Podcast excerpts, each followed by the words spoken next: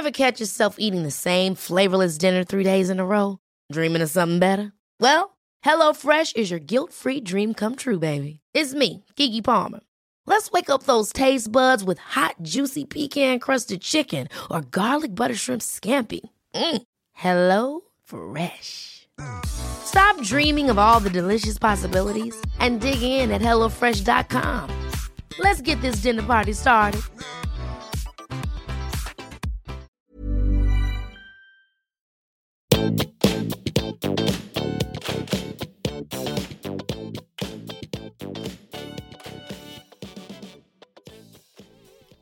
Sammen, og velkommen tilbake til podkasten Karriereveiledning med Elaine.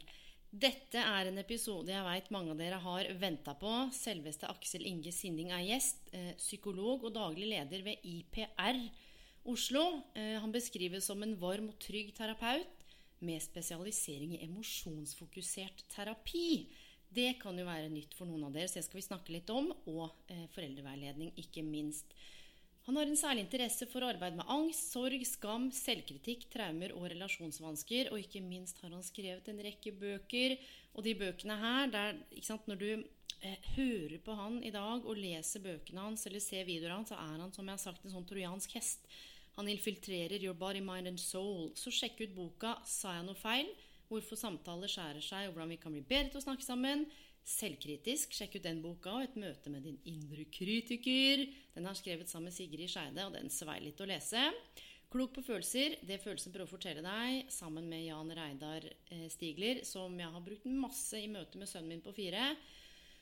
Og han sitter jo på tråden her og står også bak følelseskompasset. Velkommen skal du være. Tusen takk skal du ha. Veldig hyggelig å være her igjen. Du, det er jo stas. Det er jo andre gang. Og temaet er jo litt eh, Vi skal tenke litt sånn som en gemene hop. Det kan virke litt tungt og vanskelig. Eh, vi skal snakke om sorg og koble det særlig da opp mot både arbeidsplass, kollega, lederen, det å stå i det sjøl, det å støtte. Det er jo ganske komplekst og eh, dypt for mange. Det fins jo mange typer form for sorg. Alt fra eh, virkelig det å miste noe, altså døden, det samlivsbrudd, tap av kanskje en familiekonstellasjon, ikke se barnet sitt så ofte, eller barna. Kanskje det å miste jobben eller tap av en drøm, altså noe som kunne ha blitt. Mm. Og det har kommet inn så mange henvendelser, så jeg tenkte jeg skulle starte med å lese en av de viktigste henvendelsene jeg har fått, som er til oss begge. Så Ja. vi får spisse ørene i ca. 20 sekunder, og så står det følgende. Hei. Eh, takk for at du og Aksel Inge Sinding løfter fram dette temaet. Mammaen min døde brått og brutalt av hjerneblødning for en måned og en uke siden. Ung og frisk. Nå er livet helt utholdelig grusomt. Jeg hadde første dag på jobb i går, begynner i 20% men vi trapper opp gradvis. Det er ekstremt slitsomt og krever mye energi fysisk og psykisk. Det er slitsomt å gråte, seg, slitsomt å holde på avstand. Tap, tap, tap. Jeg har kjent på dårlig samvittighet for mamma ved å begynne å jobbe igjen. Det er en vanskelig reise og en vanskelig følelse. Jeg grua meg så vanvittig til å møte kollegaer som skal klemme meg og se på meg med de triste øynene, og jeg må drive og fortelle om det mest traumatiserte altså, som jeg noen gang har opplevd. Forrige uke ringte jeg sjefen, sa jeg var klar. Sjefen har vært veldig snill og skulle informere de andre. Så nå har jeg hatt to dager på jobb. Jeg har enda ikke klart å si noe. Det er for vanskelig. Men jeg er bare enormt takknemlig fra en sjef og en kollega og kollegaer som gjør det lettere å ta det i mitt tempo. Ønsker å begynne å jobbe for eh, å få noe normalitet. Jeg elsker jobben din, vet den har vært meningsfull. Der puster hun bort fra sorgen. Den måneden her har vært så hard. I begynnelsen så er alt meningsløst. Det å spise, drikke, oh, relasjoner, eh, miste seg selv og virkelighetsoppfatning. Jeg har egentlig ikke noe spørsmål, men jeg gleder meg sånn til å høre på dere. Så takk. Mm. Mm. Og det er mange som sitter med sine opplevelser av sorg, og særlig dette med å gå tilbake på jobb. Mm. Um, Absolutt. og før vi hopper inn i det, så har jeg lyst til å spørre deg om noe som Vi har jo ikke noe manus, men husker du ditt første møte med sorg? Ja, altså Ja, jeg kan huske sånn Jeg har jo mistet, jeg mistet alle besteforeldrene mine ganske tidlig. Um, jeg tror nok det var mine første møter med sorg. Um, og, der var det på en måte flere sorger også, fordi tre av dem døde Nei, to, unnskyld, to av dem døde av uh, Alzheimer også. Uh, så det var liksom, liksom dobbelt opp, på en måte. At vi liksom At jeg først mistet dem som de var, på et vis. ikke sant? Mm. At de ble utilgjengelige for meg og altså ikke kjente meg igjen. Jeg mistet dem på en måte. Altså, ja, de var ikke de besteforeldrene jeg hadde kjent dem som, da. Mm. Og så senere mistet til død, da. Så, så jeg, absolutt. Ja, det var nok mine første møter med sorg. Og så senere så har det vært mer sånn andre sorger. Jeg har ikke hatt så veldig mange sånne tap av nære personer i, i voksen alder, men da har det heller vært sånn mer sånn type sånn personlige sorger, på en måte. altså Mer sånn abstrakte sorger, sånn som du snakket om innledningsvis. Du kunne sørge, sørge, over noe man ikke har fått, f.eks. Eller sørge over noe man skulle ønsket seg, eller sørge over noe man har savnet hele livet, og så gi slipp på det. på en måte, Med litt mer sånne type sorger. ja. Mm. Litt mer abstrakte sorgene. Mm. Ja, og jeg tenker det er ikke sant, Vi kan se litt på, eller gå innom de ulike typene formene for uh, sorg. Og dette er jo veldig sant, konkret. Det er tap av en, en, mor, og så er du innom dette med sant, Alzheimer, at du mister noen før du mister noen. Eh, og jeg har en far på 85 mm. og en mor på 75, og de bor ett minutt unna. Og vet du hva, Det er en sånn slags sorg over å eh, jeg kan bare si dem decline. Altså se de bli mm. eldre. Mm. Eh, og det er en sånn som Ja, men det er jo ikke noe å sørge over. Herregud, jeg er her, så heldig du er. Men jeg vet og jeg ser at det skjer ting. Og det er også en eller annen slags rar sorg som jeg bærer mer og mer med meg. Og på et sett og vis kanskje også ta litt mer overansvar enn det jeg burde òg, for de, fordi mm. det skjer et rolleskift. Så jeg tror det er flere Absolutt. ting her. Og jeg tror hvis vi starter med jeg tror altså, jeg kan bare spinne på noe, akkurat det du sier nå. Altså, mm. At, at vi, vi, ser ikke på sorg bare som å ha mistet noe eller noen som betyr noe for deg. Det er også det å være i ferd med å miste noe eller noen som betyr noe for deg. Altså det, det, er både måte, det er en sorgprosess som starter allerede idet du ser at nå er jeg i ferd med å miste. Det er også en sorgprosess. Det tror jeg folk kan både kjenne sånn som du sier, at man ser at foreldrene våre blir skjørere enn før, f.eks. Mm. Eller hvis, hvis, hvis parforholdet, f.eks eh, begynner å gå i oppløsning. så Man, sorgprosessen kan begynne ganske lenge før det er slutt, faktisk. Og det samme også med arbeidsplass. Man kan, man, man, man, kan, sørge over at ikke arbeidsplassen er slik den var før. Mm. Selv om man ikke har sluttet på arbeidsplassen. Altså man kan du, se i det man holder på å miste noe. Du, Det gir kjempemening, og da er jo litt av kompleksiteten her Og så går du på jobb og er lei deg. Eh, for mm. eksempel da, så er det sånn Ja, hva er det for noe? Er foreldrene mine begynner å bli gamle, eller parforholdet mitt er i oppløsning, eller nå har det vært store omorganiseringer, og jeg har mista halvparten av kollegaene. Ja, men herregud, foreldrene dine lever. Ja, men du, i verste fall så Partneren din er jo ikke borte, det er bare et brudd. Eller jo, jo, men du er jo fortsatt igjen her. Eh, det der å, å, navigere i det, det er akkurat som om det ikke alltid er ok å komme med noe før det er liksom de store, store tapene. Da, mm. da, da, er det på en måte legitimt. Det, liksom, det, legitimerer ikke helt å være borte fra jobb eller være lei seg mm. hvis det er noen, noe som er i, i emminga. Det kan jo være at foreldrene mine lever i 15 år til. Eh, ja. sånn at, eh, eller at eh, ja, du snakker med kollegaen, eller ja, ja, du har i hvert fall kontakt med eksen gjennom bruddet. Hvordan liksom navigere i det i en arbeidsplass når det ikke er et sånt konkret tap, men mer den emosjonelle, psykologiske ja, Noe skjer.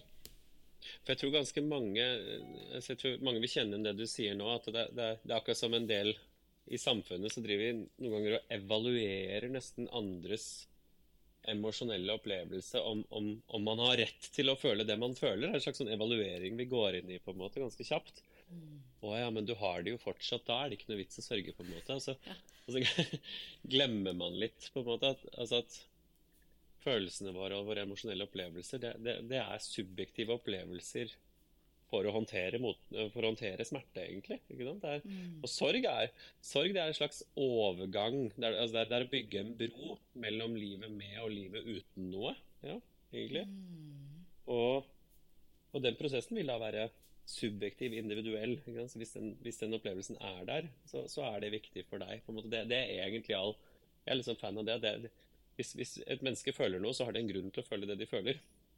Så tar jeg ikke så stilling til om ja, men objektivt sett gir det mening eller ikke. på en måte. Den, den, vurderingen er ikke Jeg mener at i det øyeblikket begynner å evaluere, evaluere, eller vurdere om folk har rett til å føle det vi føler, eller ikke, så er vi litt på empatisk tynn is allerede. Men jeg, tror, jeg, men jeg vet at veldig mange gjør det. Ja, ja og særlig da. ikke sant, det finnes, Bare ha det som et premiss at det finnes fantastisk mange gode ledere og gode organisasjoner med gode kulturer.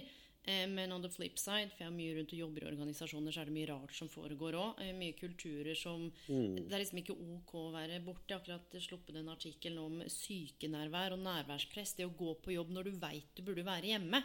En ting er jo sykenærvær med arbeidsinkludering og nedsatt arbeidsevne, og ja. Men det er det, det er et slags sånn identitetsbrudd, særlig for mange kvinner, tror jeg, må være den sterke, stå på, være til stede, ikke gi seg. Og er du hjemme da, liksom, eller blir borte, det er liksom svak, du sluntrer litt unna. Så det er liksom noe sånn grunnleggende i oss. Ja, men det er vel ikke nok til å være borte, det? At noen er i ferd med å bli litt sjuke, eller Og jeg, vet du mm. hvorfor jeg tar opp dette her og vil ha deg med? Stort sett alle episodene eller ting jeg gjør, er jo fordi jeg har stått i ting, møtt mennesker som står i ting. Lurt på ting sjøl. Og jeg hadde jo et samlivsbrudd i fjor. Det er helt, helt greit å prate om det. Fantastisk samarbeid med far. Altså, vi møtes en gang i uka. Men vet du hva jeg har tenkt på?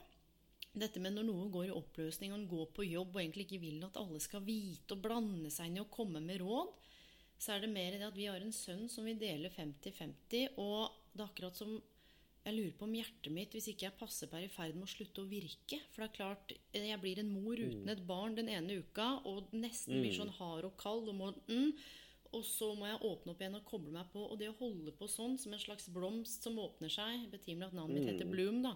Og så visne igjen. Eh, ja, men det er jo noe med det. Det er akkurat som om mm. hjertet slutter å, å Eller skal fungere som det er ment til. Da husker jeg satt i et mm. møte på jobben, derfor jeg sier det, og så var det noe greit. Så kjente jeg Fy faen, så meningsløst å sitte med Jeg har bare lyst til å gå ut og grine. Men ja. det passer seg ikke helt, så en må samle det opp og kanskje ta det etterpå. Eh, mm. Eller hvis en gjør det, så er det sånn men, uff, nei, men du, det går bra, tiden leger alle sår. Tenk deg hva du kan gjøre med den tiden da uten han. tenker jeg sånn hva er det som gjør da at eh, det kjennes så vanskelig kanskje å være bare den man er i de situasjonene? Er det mm. greit, eller blir man liksom litt sånn rar? Mm. Det er mange ting i dette. på en måte. Altså, det ene er jo at det nok også er en sånn, litt sånn holdning vi kjenner på at det er akkurat som vi skal legge fra oss følelsene når vi går på jobb. Yes. ikke sant? Og, det, og det, det, gjør vi jo ikke. ikke sant? Altså, vi, vi, vi, tar med oss uh, hele vårt vesen og hele vår person. Vi tar også med oss den, det humøret vi er i på morgenen. Vi tar med oss de sorgene vi står i. Hvis vi krangler med barna våre, krangler med partneren vår, mister noen, så blir det med oss på jobb. Akkurat som de fleste ting som blir skikkelig skikkelig vanskelig på jobb, også blir med oss hjem. ikke sant? Er, men der er det nok en sånn holdning som har vært i samfunnet ganske lenge om at ja, på jobb skal vi liksom være så rasjonelle og, og ikke føle så mye. Ja. Det er nok i ferd med å endre seg litt, altså. Uh, håper, jeg, jeg, tror stadig flere blir liksom bevisst på det. Uh, men uh, det er fortsatt sånn, en sånn slags sånn streng forventning vi har til oss selv, som er ganske vanskelig å følge opp og leve etter. Og så er det også litt sånn hvor fort at folk altså det, er, det er en tendens at når man mister noen, spesielt ved, ved sorg, når man mister noen, så har, har det en tendens til at folk kommer veldig raskt på, ikke sant? og så hjelper masse de første dagene. Og så er det nesten så nesten at, at, ganske mange rundt oss glemmer det litt når f.eks. begravelsen er over. Begravelsen er tenkt som et sånt ritual ikke sant, som skal markere at nå har vi sagt farvel. Mm. Men for de fleste av oss vil jo sorgen fortsette mye mye lenger, om ikke liksom Egentlig skal man si at sorgen alltid er der på et vis. Den bare endrer seg i form. ikke sant? Mm. Og og så var det også kanskje litt sånn gjennomgående Jeg tenkte litt sånn de tingene du sa At uh, man hadde fått høre ikke sant, 'Tiden leger alle sår', eller sånn derre ja. Tenk på all tiden du har sammen. Dette var det vi snakket om forrige gang jeg var på podkasten din. Så snakket vi om dette med validering og invalidering av følelser. Yes. Og det derre 'tiden leger, leger, alle sår', eller 'tenk så mye tid du får alene' og sånn, det er da det som kalles for positive invalideringer. Det, er, det, er, det ugyldiggjør. Det sier egentlig at du burde ikke kjenne på den sorgen du kjenner på. Du burde ikke ha det vondt. Det er det samme som å bli sånn som å si sånn det, det, blir nok bedre. Dette kommer til å gå bra. og snart kan Det tar bort smerten. Og det tror jeg stort sett vi gjør fordi vi blir litt sånn rådville og vi vet ikke vår arme råd liksom, når vi møter andre som har det skikkelig vondt. Og så blir vi redd for smerten deres. Og kanskje spesielt ved sorg så blir vi det veldig ofte. Vi blir redde for smerten fordi vi føler at vi ikke kan gjøre noe med den. Vi kan ikke gjøre den Vi kan ikke og på en måte det praktiske behovet. Vi kan, ikke, vi, kan ikke, gjøre så man får tilbake noen man har mistet. Det, det, får vi ikke til. Mm. Uh, da, men så glemmer folk at det, det emosjonelle behovet ved sorg er å få trøst, omsorg, støtte, nærhet Bare at noen forstår da hvilke tap du bearbeider, og at man respekterer grensene. Selvfølgelig skal ikke gjøre det til enhver pris. Hvert menneske må jo kjenne litt selv hvordan de ønsker støtte fra omgivelsene når de sørger. på en måte. Derfor, folk trenger ulike ting. Noen trenger at du kommer og lager middag for dem. Andre trenger at vi sitter og snakker om det. Og noen trenger at man bare kan ha det hyggelig og gøy sammen. Men hvem da, hvis det er en, for det er, det er spørsmål som har kommet inn da. Jeg har en kollega, god kollega som er i sorg, og apropos det du sa, jeg ønsker å forstå, men er litt usikker på hva jeg skal gjøre. Og så er spørsmålet, eh, er det opp til den som sørger å på en måte sette grensen og si hvordan de vil at jeg skal hjelpe, eller skal jeg spørre om det? Fordi en ting er hva jeg tenker at du trenger når du er lei deg, en annen ting er hva du faktisk trenger, og kanskje da at det blir en sånn slags merkelig dans hvor den ene gir, og den andre vil egentlig ikke si at dette er ikke det jeg trenger. Hvordan skal jeg gå fram? Spør vedkommende. Det er en kollega jeg har kjent lenge, men dette her syns jeg er ubehagelig. Jeg tenker at hvis man kjenner på sterk omsorg og at man har lyst til å hjelpe, lyst til å være der for den andre, så er det alltid fint å si nettopp det og spørre er det, hva, hva, hva kan du trenge fra meg, eller er det noe du ønsker fra meg? Hva, hva har du behov for? Og så må man respektere det svaret som kommer, ikke sant? uavhengig av hva det er. Eh, fordi det vanligste fellen er å ikke tørre å ta i sorg og ikke snakke om sorg med andre fordi vi er redde for å gjøre det verre eller for å si noe feil. ikke sant? Og så har jeg ikke tall. Jeg har jobbet ganske mye med sorg. Eh, Jeg har samarbeidet med de organisasjoner som har mistet mennesker som er nær dem. Altså, eller medlemmer da, som har mistet mm. mennesker. Og, og gjennomgående er at de skulle ønske at folk snakket mer om de som er borte. Og at de spurte mer og fulgte opp og ikke glemte at den sorgen fortsatt er der. Det er sånn gjennomgående at vi, vi blir redde for å ta i sorgen som er der, så slutter vi å spørre. Og så går noen ukene og dagene, og så fortsetter på en måte den som sørger, å sørge alene. Det er veldig vanlig. Og da varer det lengre, da. Ja, så Da, er det blir, ikke da er det vondt lengre. Det varer lenge uansett. Ja. Mm. Ja, så er det ikke så lett kanskje hvis du sitter i lunsjen da, og så kjenner sånn akutt behov for å snakke om en av foreldrene dine, eller et søsken, eller kanskje har tap av barn, eller det er litt sånn eh, en som har skrevet og hei, jeg står i en sorgprosess selv. Eh, Det har gått tid, nå har det gått, sånn, gått to og et halvt år, det er fortsatt vondt. Akkurat det du snakker om nå. Alle har slutta å, å, å snakke om det eller snakke med meg om det. Jeg har bare lyd, roskriker inni meg. Bare vær så snill. Men når er det Jeg kan ikke bare snakke om det i lunsjen på jobben.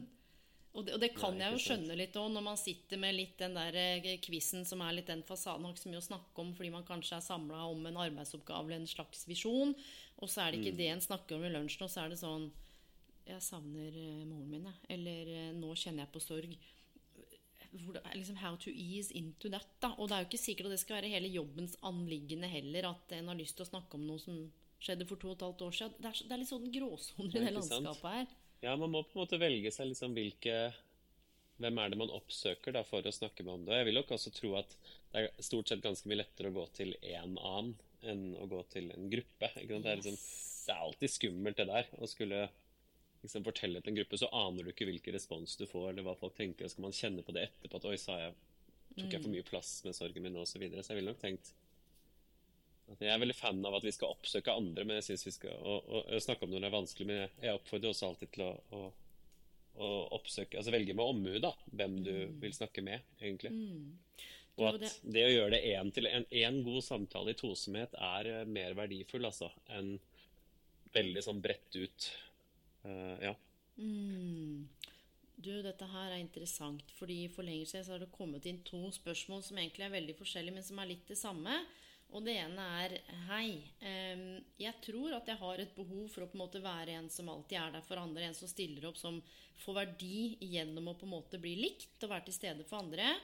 Så noen ganger så er jeg usikker på, for jeg kjenner flere rundt meg som da har stått i sorg, men jeg er usikker på Hold deg fast, og dette her er helt fantastisk for en selvinnsikt.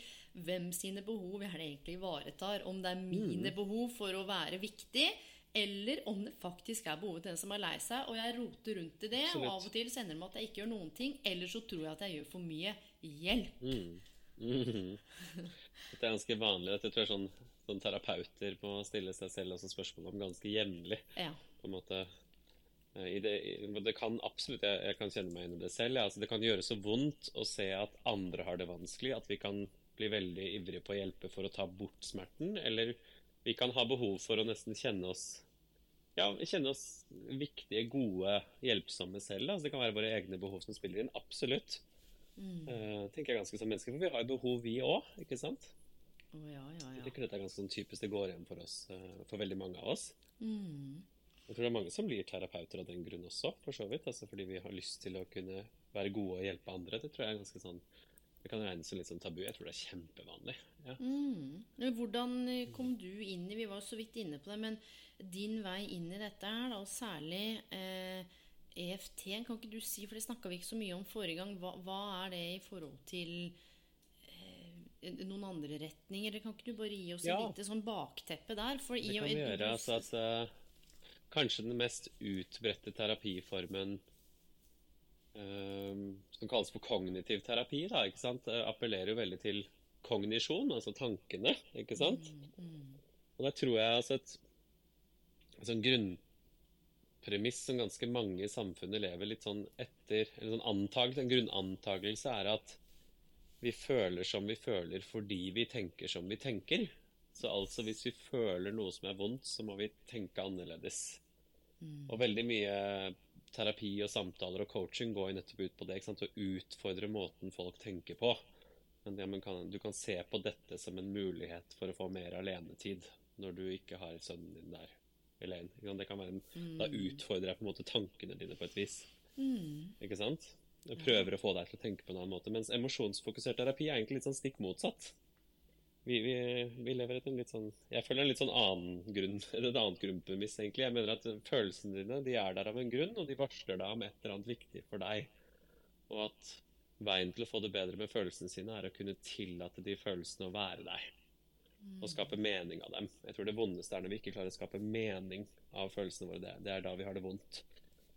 Og, og sorg, sorgprosess, sorgbearbeiding Jeg har en fin bok foran meg her, faktisk, som der hele konseptet liksom, altså, sorgbearbeiding på en måte er å, å jobbe med det å skape mening av noe som er ufattelig vondt. Det er en mm. viktig og lang, lang jobb. Det er slitsomt. Det betyr ikke at det skal være meningsfullt, men altså å skape mening av, sette ord til. Sette ord på det man har mistet, det man skulle ønske at man fikk. Du snakket om det innledningsvis. Det er en, en slags todelt sorg når man mister noe. Mm. Man mister både det som var, altså det som har vært. Så det er både det man savner, men man må også på et vis gi slipp på det som skulle bli, men som aldri blir. Mm. Og det gjelder spesielt sånn som jeg tenkte på hun første, den første du leste opp, som yes. plutselig mister moren sin brått. Så er det ikke, det er ikke bare å savne moren sin i livet slik det var før, men det er også å, å på en måte endre, måtte endre og nesten si Hun hadde sett for seg et helt liv videre ikke sant? sammen med moren mm. sin. Og det å bearbeide det, den, den, sorgen, det savnet, det, det, er en like viktig del av den prosessen. Du, jeg tror du sa noe kjempeviktig som var oppklarende for meg og for mange. Dette med det å skape mening, og at det er sånn meningsfylt. For ofte så er det jo lett å si, jeg har også hørt sånn Ja, men du, det var en mening med det her. Nå blir sønnen din robust. Ja, så, er, så, er, det sånn ja. Hva sa du for noe? Eller sånn, det blir jo ja, nå, et hån, ikke sant? Ja. ja, eller mm. sånn Ja, nå har moren din gått bort. Ja, da Nå, ikke sant. Nå kan du Og så kjenner jeg sånn Oi.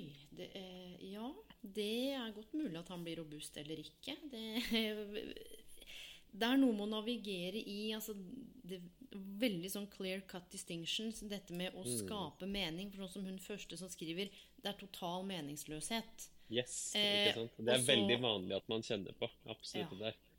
Og så vil man inn Så det er ikke inn... at det skal bli meningsfullt, men det er at man skaper mening av en det. smerte.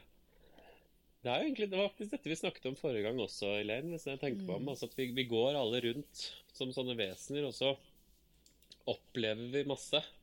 Vi får vondt når vi mister noen, vi blir redde, vi blir sinte, vi blir skamfulle når noen ydmyker oss osv. Mm. og det som er veldig sånn, viktig for menneskets psykiske helse, er å prøve å skape mening av det vi opplever. Altså at vi får ord til det. ikke sant? Det er derfor validering er så viktig verktøy, yes. også empatisk verktøy. For det er egentlig det en validering gjør. ikke sant? At det er ikke rart at du nå savner moren din, for det betydde utrolig mye for deg. Du hadde forventet å ha henne der mye lenger. Hun var, et viktig, hun var et viktig menneske i livet ditt, og så ble hun brått borte.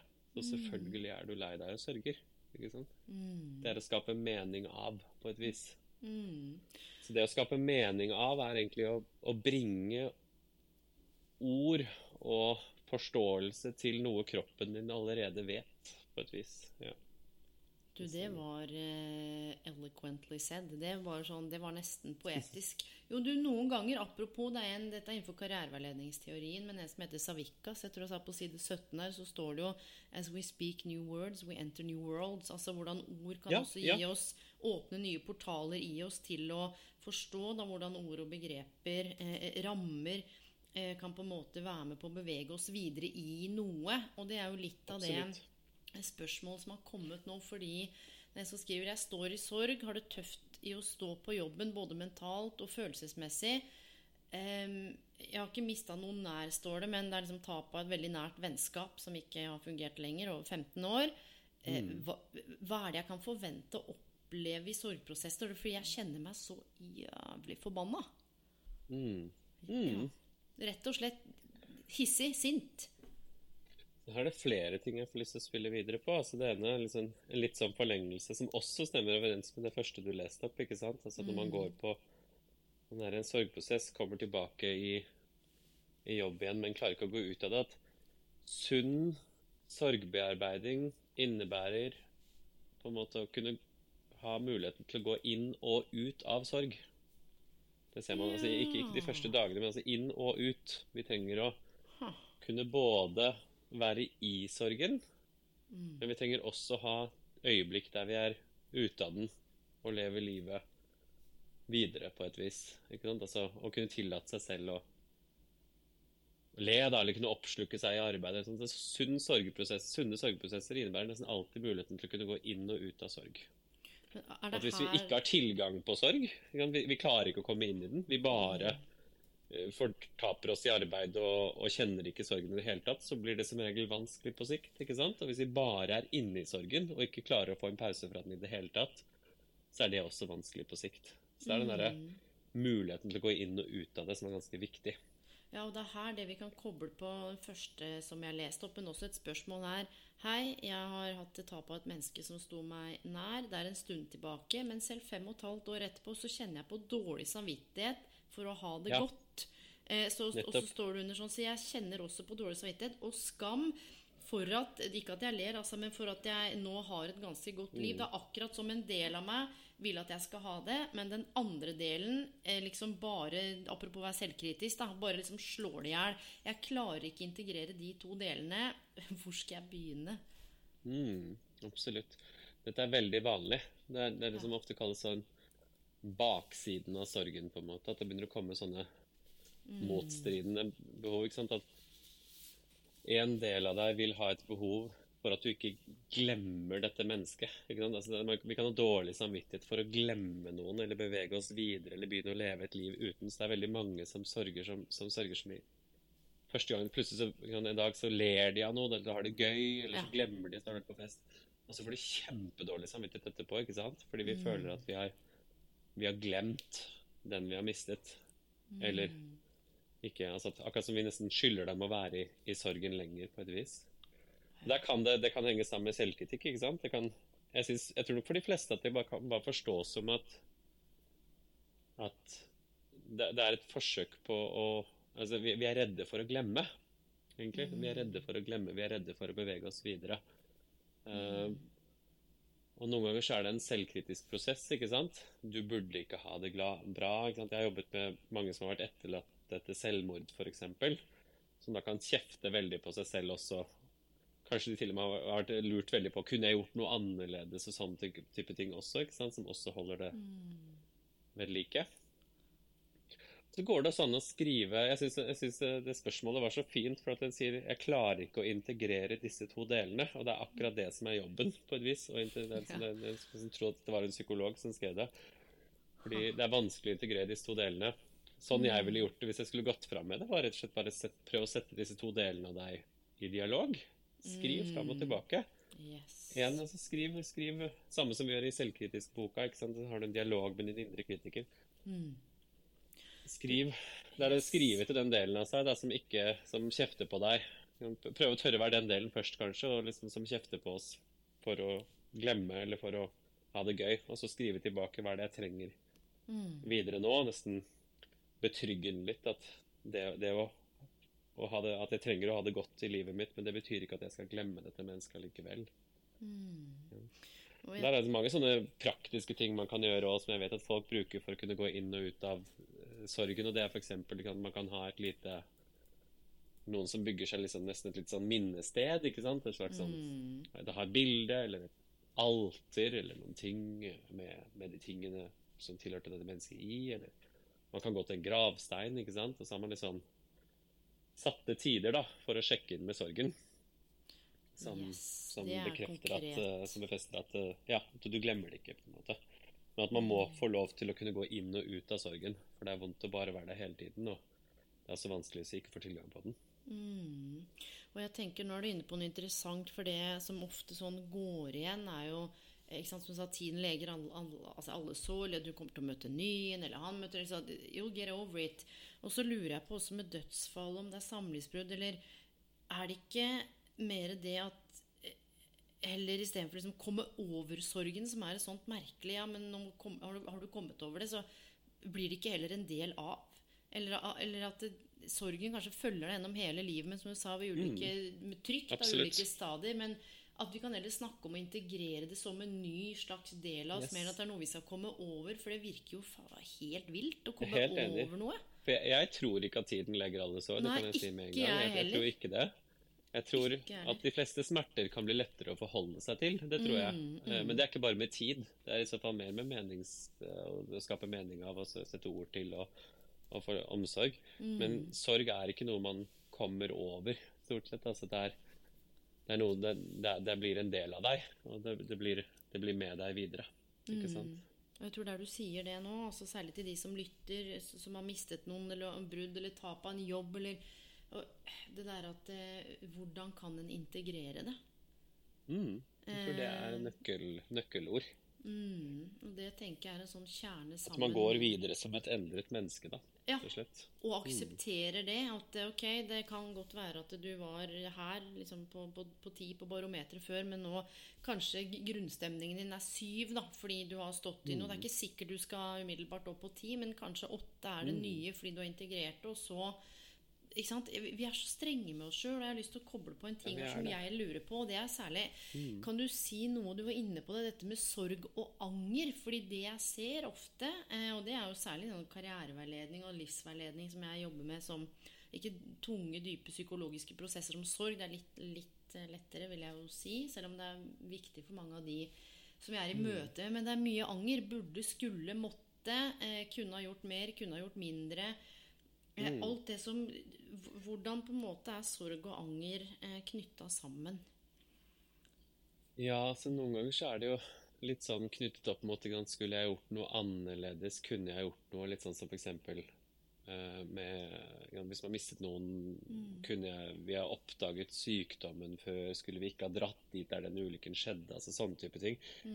Mens andre ganger så er det mer sånn at vi skulle hatt mer tid sammen. Jeg skulle ha ringt oftere. Jeg skulle ha vært der mer. Vi skulle ha fått mer tid Ja, ikke sant? Altså tilbrakt mer tid sammen. Jeg tror i på samtlige disse tilfellene så handler det også nok en gang igjennom et sånn forsøk på å, å skape mening av noe, og så forsøk på å oppleve kontroll. Det, spe- det gjelder spesielt hvis dødsfallet har vært veldig sånn brått og uventet, så er det det er flere sorgprosesser. ikke sant? Det er ikke bare sorgen over det som var, og sorgen over det som skulle bli, men det er også litt sånn et sånn sjokk for nervesystemet, på en måte, at verden var annerledes enn du trodde den var. på en måte. At liksom plutselig så som det første kan jeg, kan, jeg, jeg kan miste moren sin brått og uventet plutselig ut av ingenting, ikke sant?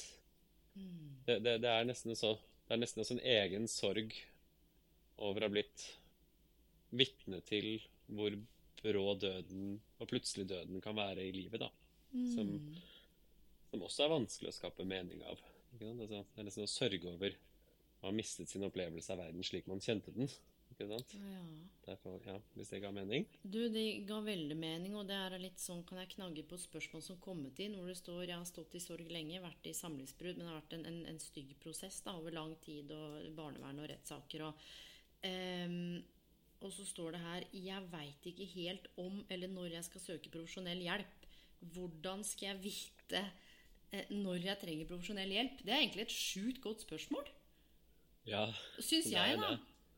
Må man ha Det er litt sånn Oi, man skal søke hjelp. Da, da må man ha de største issuesene. Eller hva, hva, er liksom hvor, Er det noen kjennetegn på at Ja da, absolutt. Ja. noe, altså jeg vil tenke at uh, ja, Nok en gang så er det mange som liksom vurderer sånn ja, hvor, hva, hvor alvorlig må det som har skjedd, ha vært for at jeg skal rette rett til å søke hjelp? Det er Nok en gang den der samme evalueringen Yes. som vi snakket om i start. Vi begynner å sånn, evaluere vår egen rett til behandling da, eller omsorg.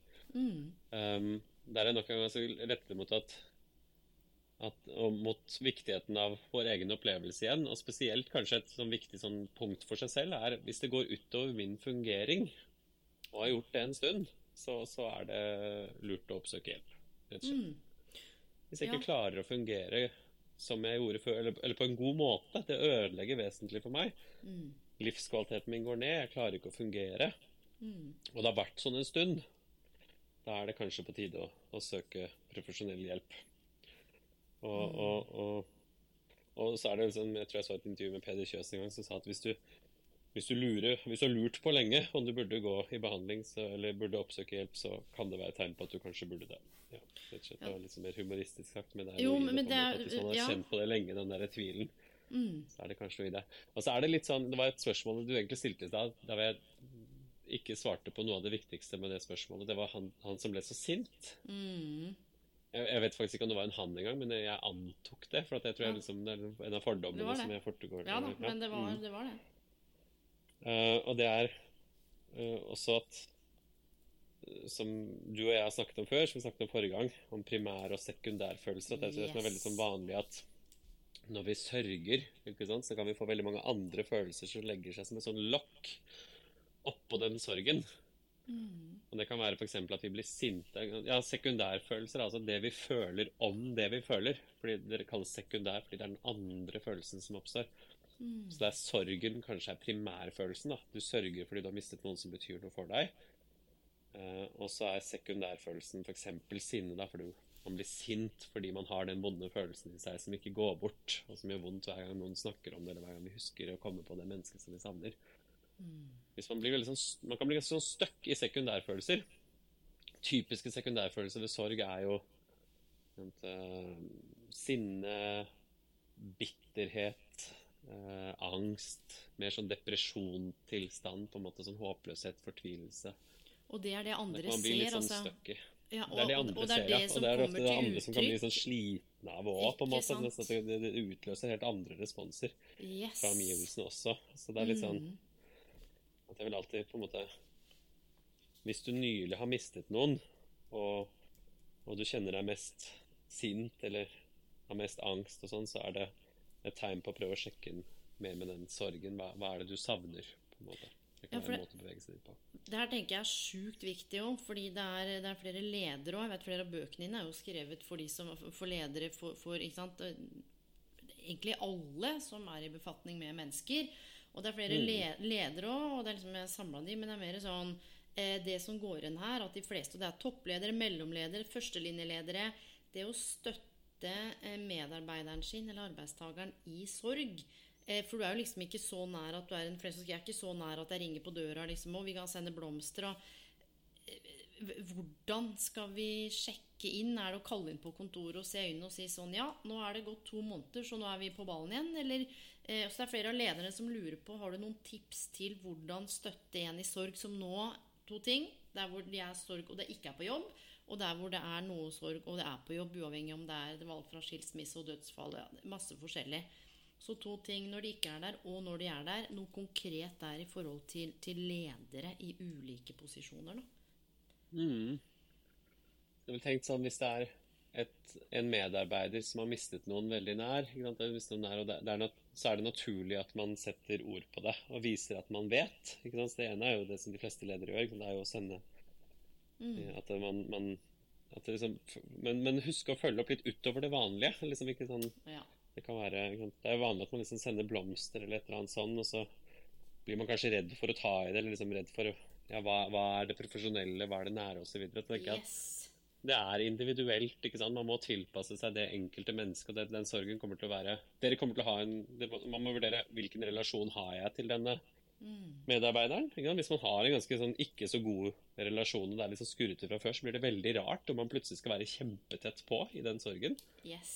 Men hvis man har en god relasjon, Ja. og, og, og kan være Og det er viktig. Det er jo absolutt Dette er viktig for, for medarbeideren og hvordan de skal ha det på jobb fremover. Da er det ansvar også som leder. Jeg er jo leder selv. Da ville jeg spurt ganske direkte, altså snakket med medarbeideren om det. Men nok en gang, sånn som vi snakket om i starten, altså spør. Hva Ja. trenger du av meg fremover? Ja. Mm. Og så er det noe med Hva har du behov kvaliteten for? Tilrettelegging. Ja. Og så er det det å tørre. Jeg synes det er en jevn sånn oppfordring sånn generelt sett til alle som skal snakke med noen som sørger, at husk at jobben din er ikke å ta bort den andres smerte. Ikke? Jobben din er å være med og sette ord til noe som allerede er vondt. Um, og, og da må vi vise forståelse og tørre å ta tak i det. Og vite at hvis du bare er med og viser medfølelse og føler med, og er med og setter ord på det, så gjør du en god jobb. Det Du, er det ikke her- jobben at de skal gå ut etterpå og smile og ha det bra. og at Det skal bort. Det er ikke jobben vår. Men eh, det handler mer om vårt behov. For å, Fordi vi er redde for smerten, eller fordi vi er redde for å ødelegge noe. Men det å bringe ord til smerten sammen med den andre, og de føler seg respektert, det er, det er nok. Ja.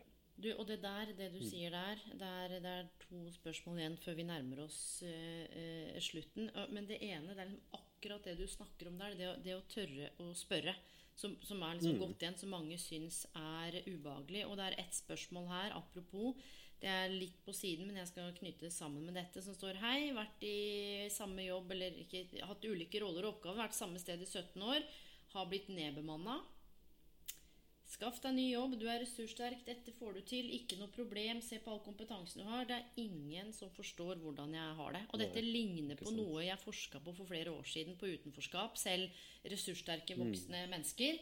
Eh, men den skammen, altså karriereskammen og den aleneheten og litt den der Ja, men dette fikser du, kom igjen. Litt sånn tilbake til valideringen. Men så står det Det er positiv er innvalidering igjen. Dette, ikke Yes. Det er jo den muntre opp eh, Det er akkurat det, og alle gjør det, og så står det her Men er det, hvorfor er det ikke greit at jeg er lei meg, og jeg trenger tid? Samtidig som Nav forventer, ikke sant, eh, at jeg skal i gang med eh, Jeg må jo søke og dagpenger, og det er veldig mye press. Og det er ingen andre eh, som vet hva sier, som jeg tror skjønner hvordan jeg har det. Men jeg er skikkelig lei meg. Er det, er det greit å være lei seg fordi man har mista jobben? Ja, det er Ja. Jeg, vil bare, jeg får liksom bare lyst til å svare liksom Åh, sånn motsats til alle. Altså, for at det, det er akkurat det som du beskriver, beskriver det så godt. ikke sant? At de andre sier 'nei, dette går bra, dette klarer du, du har, du har kompetanse', osv. Og, og så sier hun 'får jeg ikke lov til å være lei meg'? Det, det er akkurat sånn det føles vi blir invalidert på følelsene våre. ikke sant? At selv om Ja. intensjonen er god, så blir det, blir det verre. For det, budskapet er 'du burde ikke føle som du føler'. Og hvis man da sørger, så blir det bare skamfullt og flaut. Eller irriterende ikke sant, å føle det man føler. Og så begynner man, I verste fall begynner man også å kjempe for sin rett til å føle det man føler, og så blir følelsen større. ikke sant? Ja. Det kan også skje. Men, men som på vegne for å gi en sånn motsatt at selvfølgelig har du lov til å sørge når du har blitt nedbemannet i en jobb du har hatt 17 år som har 17 vært viktig for deg. ikke Ja. Det er å miste en stor del av identiteten din. Det er, Mm. det er å føle seg kastet ut. Ikke sant? Så det, kan være ganske Mm. mye som kan røre seg inni der. Det kan være kjipt, det kan være vondt, det kan være flaut, det kan være sårt. Man kan føle seg at ikke de andre bryr Selvfølgelig kjenner du på det, vil jeg bare si med en gang. Mm. Det er veldig lett å validere, men egentlig jeg, da. Og det er noe med det å, å kjenne på da, kommet Ikke, ikke at du eh, selvfølgelig burde ha Ikke at lytteren selvfølgelig burde ha kjent på det, men det er nettopp det at jeg tror vi, vi blir så ivrige på å hjelpe og ta bort den. Vi vil så gjerne at andre skal se fremover og bevege seg videre. At vi glemmer og ikke tør å anerkjenne når noe er svart. Ja. du, Og det er det siste spørsmålet mitt, eh, for jeg vet du skal videre. Hva er det som Er, er det kulturen, eller hva er det som gjør at vi har en sånn need to fix people? At det er så vanskelig å sitte med Ja, det kan trigge noe i oss og ubehagelige følelser, men eh, ikke sant? Bli, bli sorgfri på 1, 2, 3. Få magemuskler på sju minutter. Bli glad i livet. Hva hva er, er, det, er det kulturelt? Er det et slags paradis? Har det alltid vært sånn? Dette med å fikse folk, eller ta bort Det er jo ikke sånn i alle kulturer. Andre kulturer er både døden er og ikke ikke sant, sånn liv og ja. Nei, hva, hva er dette med å skulle fikse Man drar til andre Midtøsten, så har du sørgekoner ikke sant, som går i gatene og sånn. Ja. Det er ganske sånn Men jeg tror det er, det er litt det er kultur. øh, det er litt det er litt, øh, vi, er, vi er litt sånn tidsalder med, som vil ha en del quick fix. Sånn Alle ber om råd og tip, tips og råd. Hvordan kan Ja, ja. vi bli ferdig med det fort? Ikke Ja. sant? Så det er litt sånn at vi skal bli fort ferdig, og så er det ganske individuelt fokus også. ikke sant? Det er sånn, hvordan kan du, Slik håndterer du sorgen. Veldig sånn Når man glemmer at sorg egentlig er noe ekstremt relasjonelt, da. Er jo, hvordan, hvordan, hvordan kan vi hjelpe hverandre med sorg? hadde vært en bedre overskrift, syns jeg. Ja, du, Det det er er kanskje det her vi, vi lager podkast om, da. Ja, fordi Eh, det er dette her Vet du hva jeg savner i livet mitt? Altså, Jeg har jo masse nettverk og venner, men bare, bare for å si det med samlivsbrudd òg. Hvordan da jeg var Mm. på en sånn type parmiddag, vi var flere, men så eh, var jeg med uten partner. Du, bare den konstellasjonen der, å være seks par, og så kom jeg aleine. Jeg skal Ja. teste ut, for jeg liker å eksperimentere. Du, bare det var sånn This is freaking weird. Konstellasjonen var endra.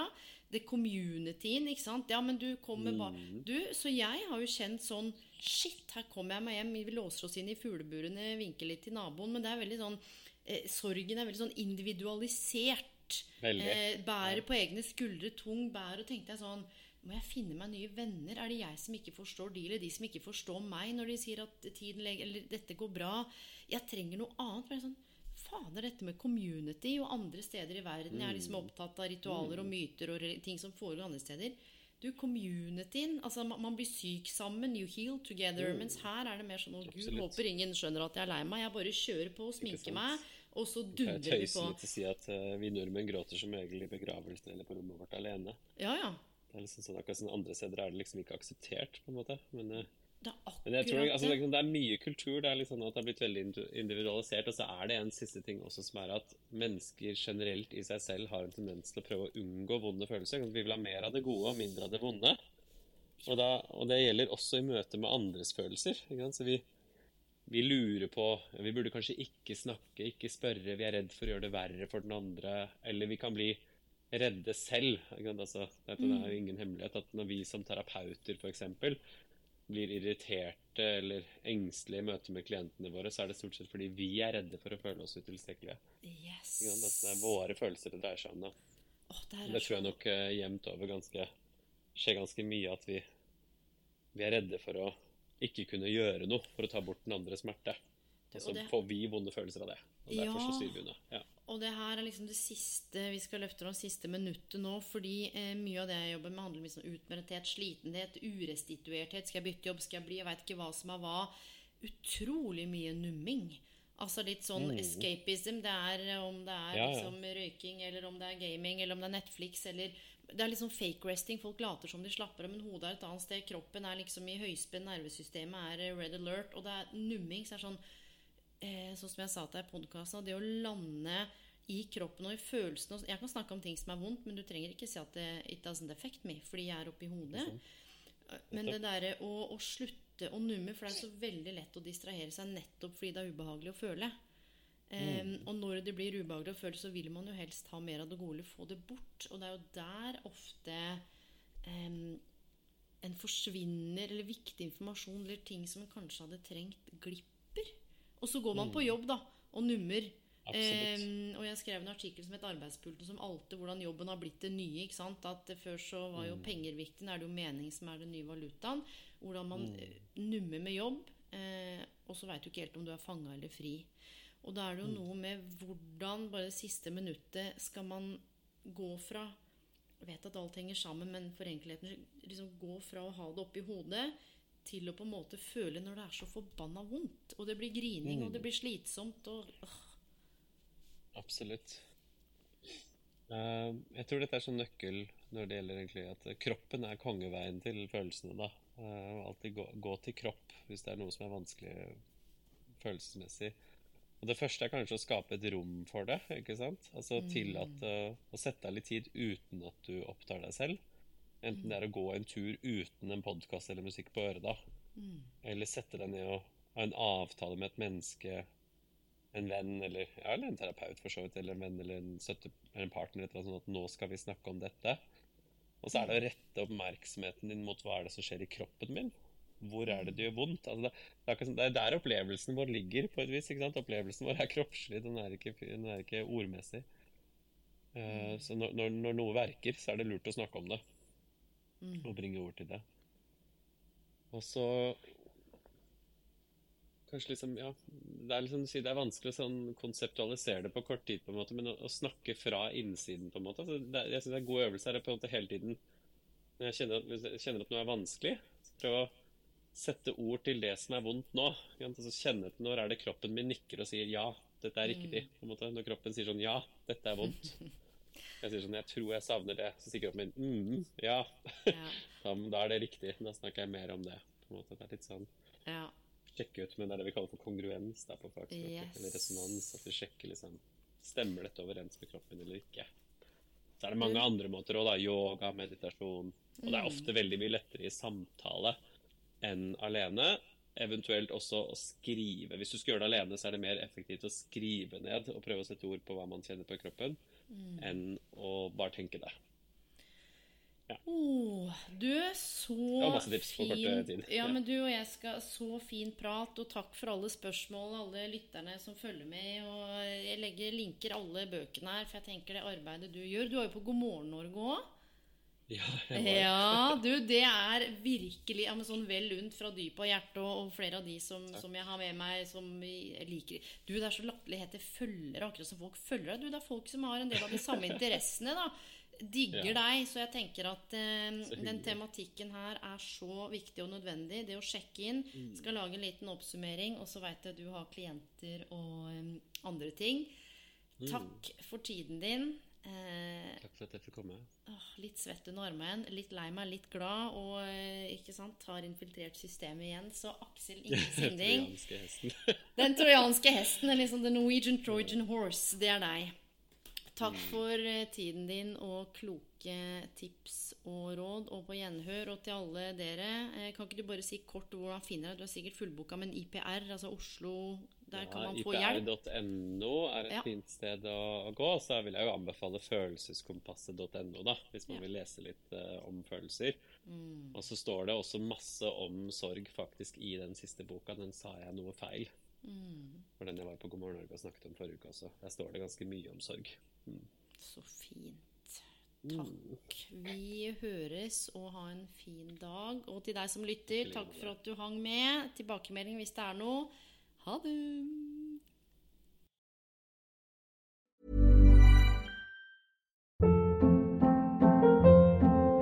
Hold up. What was that? Boring. No flavor. That was as bad as those leftovers you ate all week. Kiki Palmer here, and it's time to say hello to something fresh and guilt-free. Hello Fresh. Jazz up dinner with pecan-crusted chicken or garlic butter shrimp scampi. Now that's music to my mouth. Hello Fresh. Let's get this dinner party started. Discover all the delicious possibilities at hellofresh.com.